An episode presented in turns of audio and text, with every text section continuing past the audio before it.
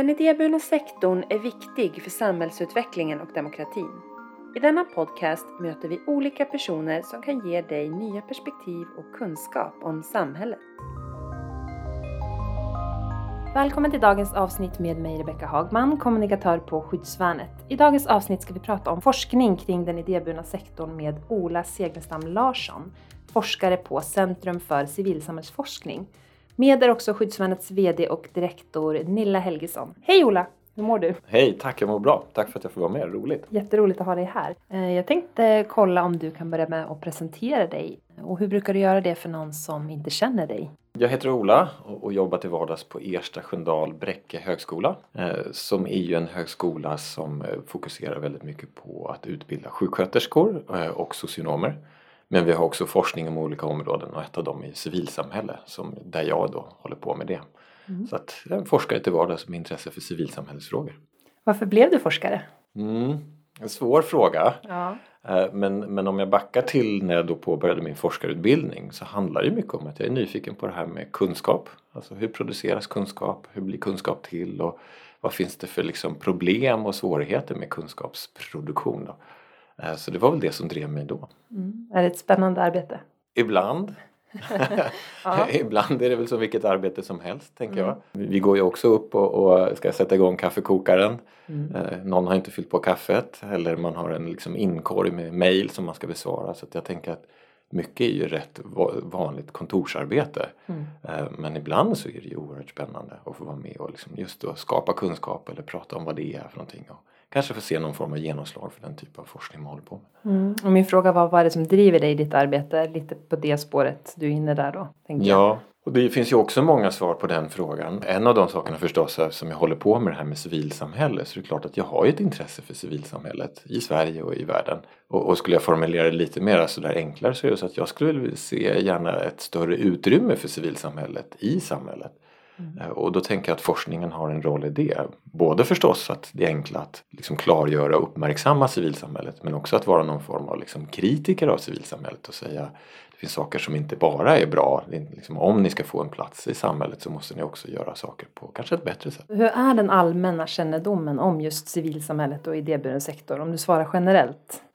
då tror jag så här att ja, men, då kan vi inte använda sådana begrepp. Eh, det blir ju så om jag möter mm. min mamma eller om jag möter grannen eller vad det nu kan tänkas vara så måste jag hitta andra ord som jag kan säga. För säger jag civilsamhälle då kommer man titta på mig som, som jag vore galen. Utan säger man föreningsliv, man kanske exemplifierar med eh, fotbollsföräldrar som skjutsar sina barn till fotbollen eller man nämner ett namn som Röda Korset. Ja då vet de ju flesta vad det är och har en, en, en ganska bra känsla för det. Mm. Eh, så, så det är en allmän förståelse för att det finns ett föreningsliv tror jag att det finns och att det, vad det innebär. Sen till nästa steg att lägga ihop det och se det som en plats i samhället och vad det bidrar med i samhället. Den kunskapen saknas ju tror jag i allmänhet.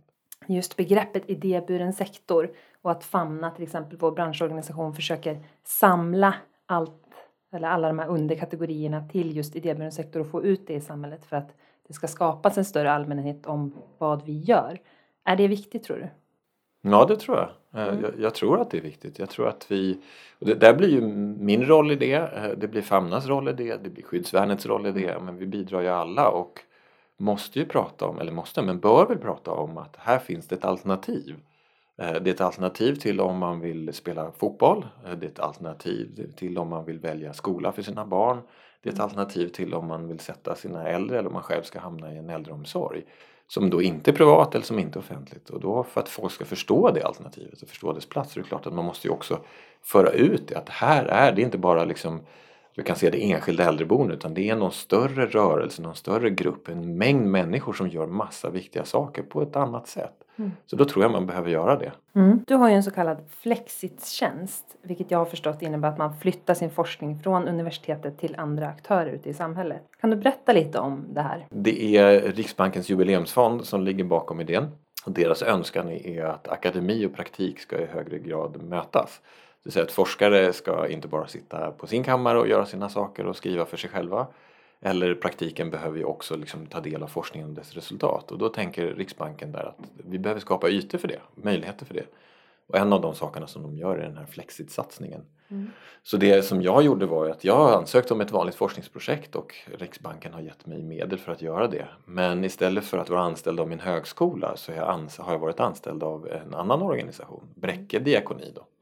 Så i två och ett halvt år så har jag varit anställd av dem och bedrivit min forskning men i deras lokaler och i mm. samtal och samverkan med dem. Eh, och då kan man väl säga att ja, men jag tycker väl att RJs ambitioner, då, Riksbankens jubileumsfonds ambitioner, har ju lyckats på det sättet att jag har ju fått väldigt stora intryck och lärt mig väldigt mycket av Bräcke diakoni. Och omvänt så tror jag att det har varit väldigt värdefullt för dem att ha en forskare mm. så att säga, i lokalerna och som både de har druckit kaffe med och ätit lunch med och gjort det gamla vanliga med men samtidigt också har det funnits inslag av forskningssamtal och forskningens betydelse.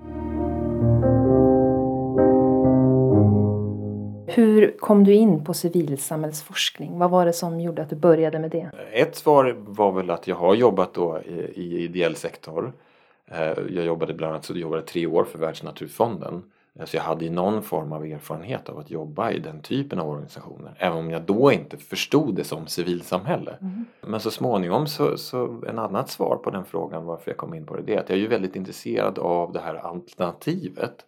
Alltså att man gör saker, inte då som man kanske lite förenklat kan säga i, i företag, man gör det för att tjäna pengar där. Eller offentlig sektor där man gör det mer för att man liksom följer lagar och att man liksom har den typen av styrning. Utan att man gör det för att man brinner för någonting. Man har engagemanget, man har den här som ni kallar för idéburenheten. Och det är jag väldigt både fascinerad av och förundrad inför och liksom är nyfiken på hur ter det sig för en sån här organisation eller för människor som verkar i den här delen av samhället. Mm. Vilken betydelse har engagemanget? Vilken betydelse har idéburenheten? Du forskar ju kring samskapande mm. och samskapande i välfärden, samskapande i idéburen sektor. Alltså, skulle du kunna beskriva vad betyder samskapande för dig? För det funderar jag jättemycket på, det ordet. Mm. Vad man lägga i det? Jätte, jätteknepigt ord.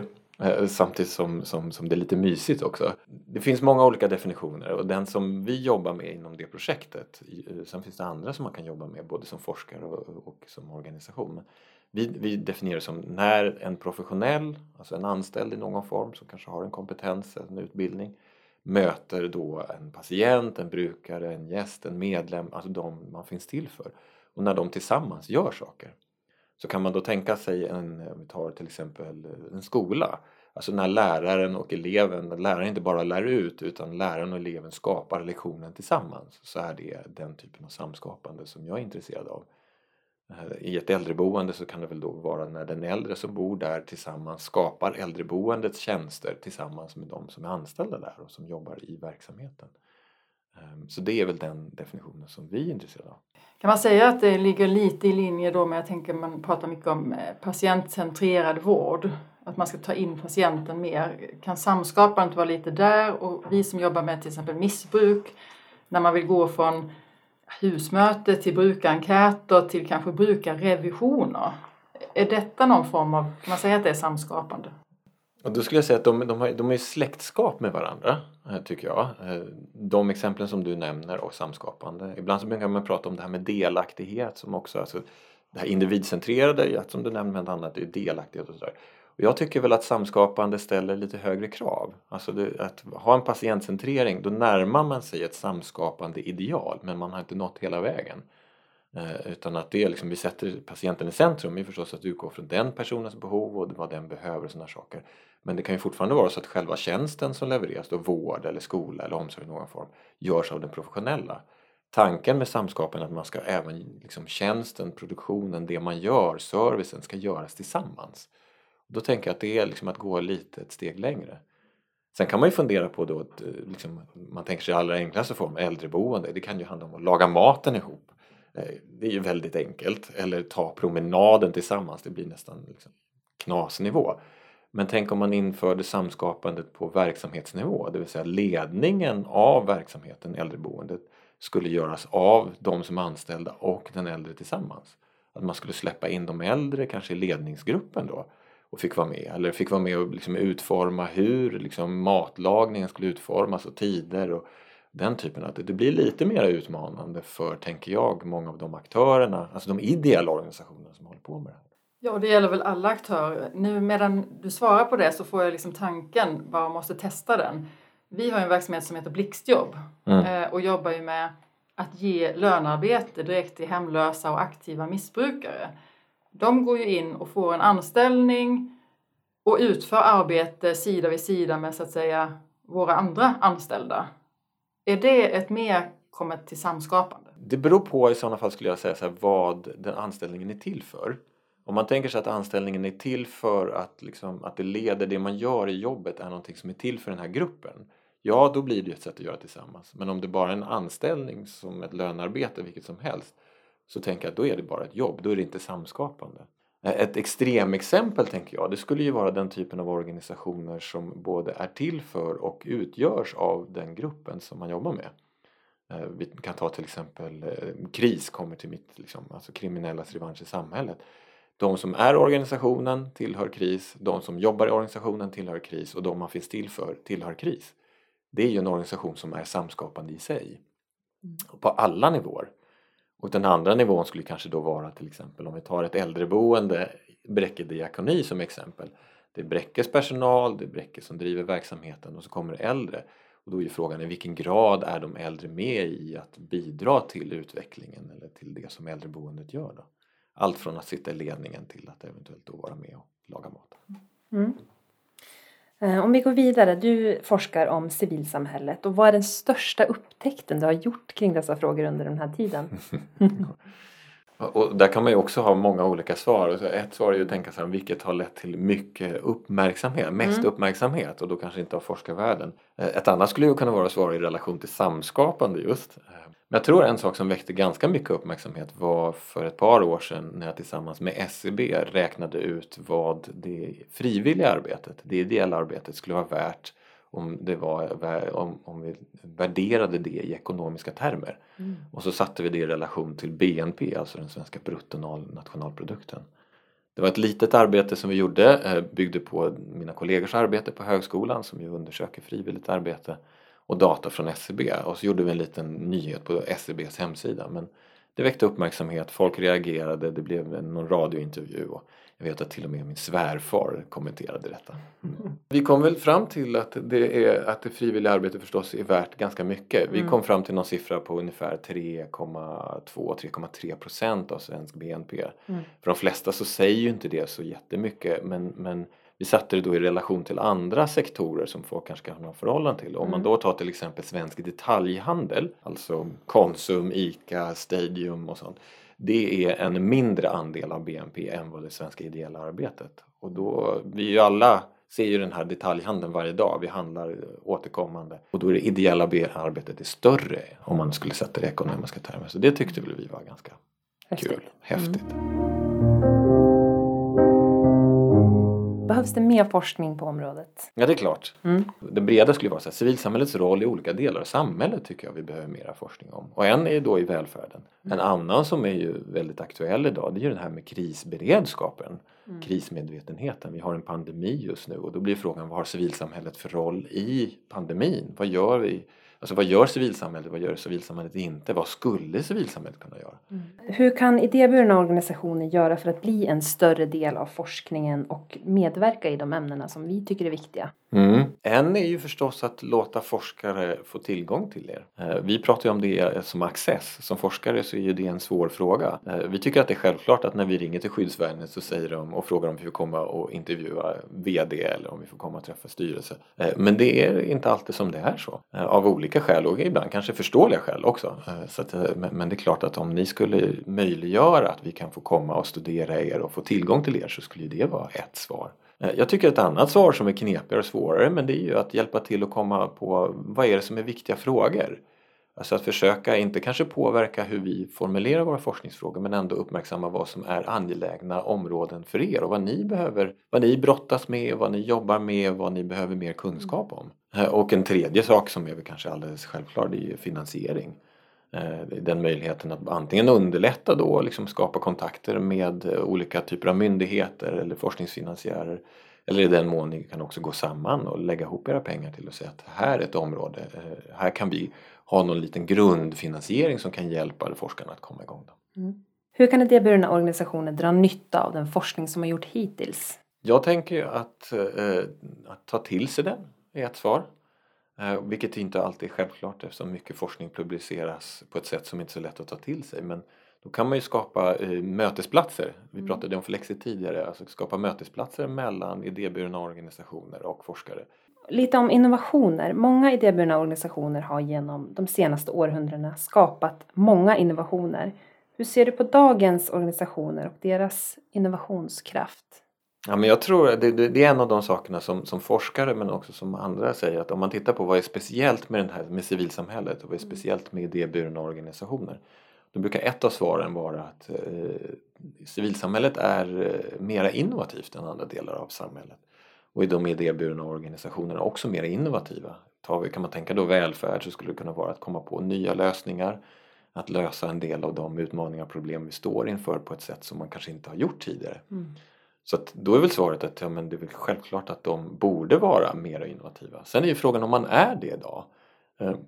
Och det tror jag är svårt att liksom forska om men man kan i alla fall liksom ställa den frågan.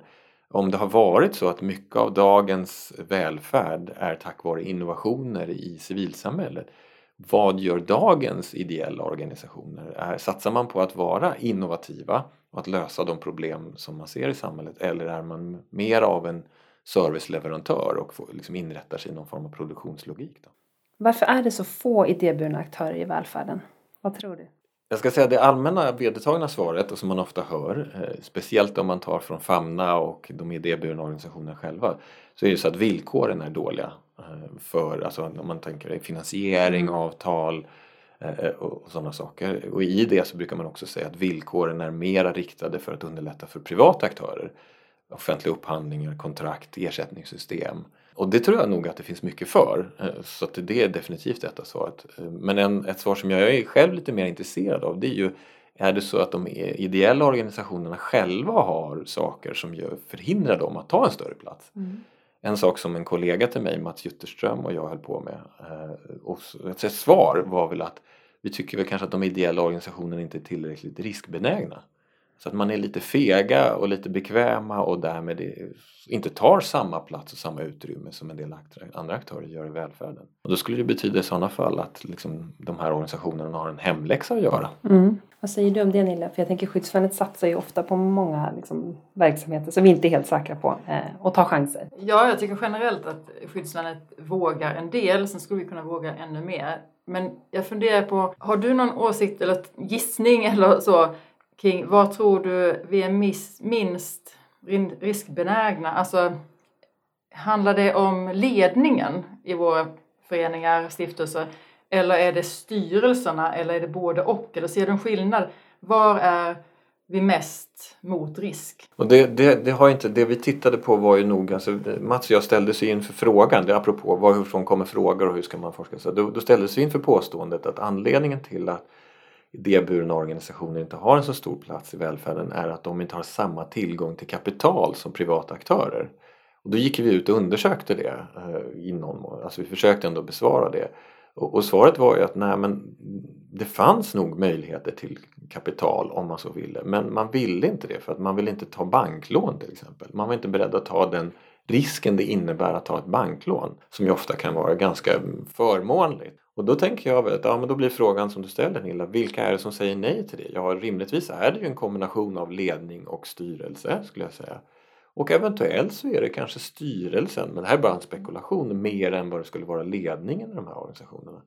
Delvis därför att kanske styrelsen också har ett uppdrag av att organisationen och dess uppdrag ska finnas i all evighet. Och där blir det ju en fråga. Eh, är det så att man som ideell organisation ska finnas i all evighet eller ska man göra en skillnad idag? Med risken för att man också kanske då eventuellt går i konkurs. Jag vet ju eh, då i ditt arbete på Bräcke att du har varit med och eh, jobbat kring deras upphandlingar och skrivit en bok faktiskt kring det här med. Kan du berätta någonting om den boken och liksom resultat från den och vad har det gett både dig och dem att jobba med det här? Ja men den boken kom ju till eh, därför att det var också den här frågan som var hur kan man få forskningen att liksom bli angelägen och relevant för, för organisationerna? Och då sa vi att ett viktigt område som påverkar de som är verksamma i, i välfärd är ju offentlig upphandling. Det är en av flera olika former för att liksom få till välfärdsproduktionen och, och som vi tycker behöver uppmärksammas mer. Där liksom, det finns ju andra former, det finns andra typer av avtal, partnerskap, man har gjort det på många olika sätt tidigare men offentlig upphandling får en större och större plats i, i välfärdsproduktionen. Då sa vi att låt oss sammanställa eh, existerande forskning om offentlig upphandling och ideella organisationer i en bok. Då. Så det är ju ett flertal forskare som har skrivit varsina kapitel och, och, och sammantaget. Och där vi försöker liksom titta på olika viktiga aspekter av offentlig upphandling i mötet med ideella organisationer. Så hur står det till till exempel med när ideella organisationer, offentlig upphandling och kvalitet möts? Eller hur är det med offentlig upphandling och brukare och patienters medverkan? Tar man in patienterna, brukarna, gästernas perspektiv när man utformar de offentliga upphandlingarna? Och vi tycker att vi kom fram till väldigt många, eller kom fram, vi kunde presentera massa spännande saker och har väl förhoppningsvis bidragit till liksom ett, en ökad uppmärksamhet kring just offentlig upphandling som form för att bedriva välfärd. Vi har ju mött myndigheter, eh, Upphandlingsmyndigheten, Konkurrensverket med flera som har varit nyfikna och intresserade. Vi har ju mött ett antal organisationer i välfärden som också har tyckt att det här varit viktigt att prata om. Både för att de vill lära sig mer om offentlig upphandling för att kunna utvidga sin verksamhet och kunna ta en större plats i välfärden. Men också de som redan är där och vill bli bättre och kanske också utforska alternativ. Vad skulle vara alternativ till offentlig upphandling? Och är offentlig upphandling den bästa formen för en ideell organisation? Och detta med mångfalden, alltså eh, regeringen, politiken, beslutsfattare har ju länge pratat om att vi önskar en bred mångfald av aktörer. Eh, har du sett i arbetet nu med upphandling, skulle man kunna nå en större mångfald på något sätt genom att jobba med upphandling och i så fall på vilket sätt bör vi jobba? Vi som är idéburna har idag en väldigt liten del. Men jag, jag, jag, tror att det finns och jag tror att en del av de där tycker själva, liksom Upphandlingsmyndigheten till exempel, som har ju till uppgift att prata om det här och de säger ju att en av de sakerna är att vi, fler behöver ju informeras och se detta som en möjlighet det är ju ganska få ideella organisationer som lämnar anbud i offentliga upphandlingar. Så ett, första väldigt grundläggande steg skulle ju vara att uppmuntra fler ideella organisationer till att lägga anbud. Misslyckas, bli utslagna men kom tillbaka och gör bättre eh, upphandlingar. Eller skaffa er de kriterier eller egenskaper och erfarenhet som saknas för att kunna medverka. Så det tycker jag är det första steget. Eh, nästa steget inom ramen för offentlig upphandling är också att försöka påverka de som gör utlysningarna så att de utformas, inte nödvändigtvis så att de ska liksom särskrivas för ideella organisationer som leverantörer men så att det finns ett utrymme för den typen av frågor eller den typen av kanske kvalitetsdimensioner som ideella organisationer ser, kanske mer än andra aktörer. Det kanske till och med finns utrymme för innovation då om det nu är så att ideella organisationer är innovativa. Och idag så upphandlingslogiken är inte direkt främjande för den typen av aspekt. Tredje sätt skulle ju förstås vara att gå utanför upphandlingslogiken och säga att låt oss göra andra saker. Ett som förekommer men som är diskuterat i det här med ideella offentliga partnerskap som en del myndigheter och kommuner använder sig av och som kanske till och med lämpar sig bättre för ideella organisationer. Hur tror du att vi skapar en fungerande välfärd med mångfald som skapar mervärde inom olika grupper? Ja, men jag tror att det behöver ju i sådana fall eh, finnas upp, eh, alltså också en möjlighet för en mångfald av sätt att göra välfärden på. Mm. En mångfald av former som reglerar välfärden då. Vi har pratat om offentlig upphandling, man kan ju prata om lagen om valfrihet eller ideella offentliga partnerskap och vad det nu kan tänkas vara. Så där måste ju finnas, men det måste ju också finnas ett stort utbud. Hur ska vi kunna få till en mångfald om inte det här utbudet av både leverantörer finns Alltså en mängd privata aktörer, en mängd ideella aktörer, en mängd offentliga aktörer. Eh, och det måste ju också finnas en kunskap hos dem som välfärden riktar sig mot. Mm. Eh, det, det här är ju, alltså att informera oss som medborgare, oss som äldre, och som föräldrar till elever och som elever att man kan välja mellan de här olika alternativen och att de står till buds. Mm. Eh, det tror jag är viktiga saker sammantaget som leder till en mångfald och en bättre välfärd, det är jag helt övertygad om. Och hur ska man lyckas med det tror du? Just för att det fortsätter vara på det här sättet att man inte har den medvetenheten. Hur når man ut med det? Ja, en sak som vi hittade i forskningen är ju till exempel att de som bor, eh, de äldre som bor på äldreboenden har i högre grad eh, valt och är nöjda med sitt boende om det är ett ideellt boende. Mm. Alltså man har, de har i någon form valt det ideella boendet och sett att det här är någonting viktigt. Eh, och då tänker jag att, ja, men hur, hur visste de det? Och, och då handlar det om att informera. Och att liksom inte bara säga att här är ett äldreboende X och Y och Z utan man måste också prata om vem är huvudman och vad har det för betydelse. Mm. Eh, och där blir det också en uppgift för dem, om man då är en liksom, ideell organisation som bedriver äldreboende eller välfärd. Man måste också klargöra för sig själv till att börja med. Man måste klargöra för dem som finansierar, och oftast då skattemedel och en kommun eller vad kan tänkas vara. Och man måste klargöra för dem som kommer dit och närstående sådana saker. Vad är det för skillnad med att komma till ett ideellt äldreboende eller en ideell skola eller mm. eh, kan tänkas vara. Och vad gör det för skillnad? Mm. Inte bara att man liksom, vi, vi har ingen vinst. Eh, nej, okej, okay. men, men vad leder det faktum till att ni inte tar ut någon vinst? Blir det bättre kvalitet? Blir det ett bättre boende? Blir det mera godare lunch? Blir det mera promenader eller vad det kan tänkas vara? Så att, jag tror att det är en viktig uppgift som, som inte bara handlar om att informera då de äldre utan även de ideella som driver verksamheten måste också bli bättre. Är du själv ideellt engagerad? Ja, det är mm. Eh, på, på lite olika sätt. Jag är ju inte så ideellt engagerad som många av dem som vi studerar. Eh, mm. För det är ju så att i Sverige är vi ju ett väldigt engagerat folk och som är väldigt, jobbar väldigt mycket frivilligt och är väldigt ideellt engagerade. Men, men jag sitter i styrelsen för Svenska Klätterförbundet. Eh, jag har, sitter förstås i valberedningen i min bostadsrättsförening. Mm. Eh, men en min nyaste engagemang, och det är kanske det som inte så många känner till, är att jag ska bli bandvagnsförare i bilkåren. Oj. Så det är spännande. Så jag har precis gått en introduktionsutbildning och kommer se fram emot min nästa utbildning som du verkligen ska få köra bandvagn. Vad häftigt.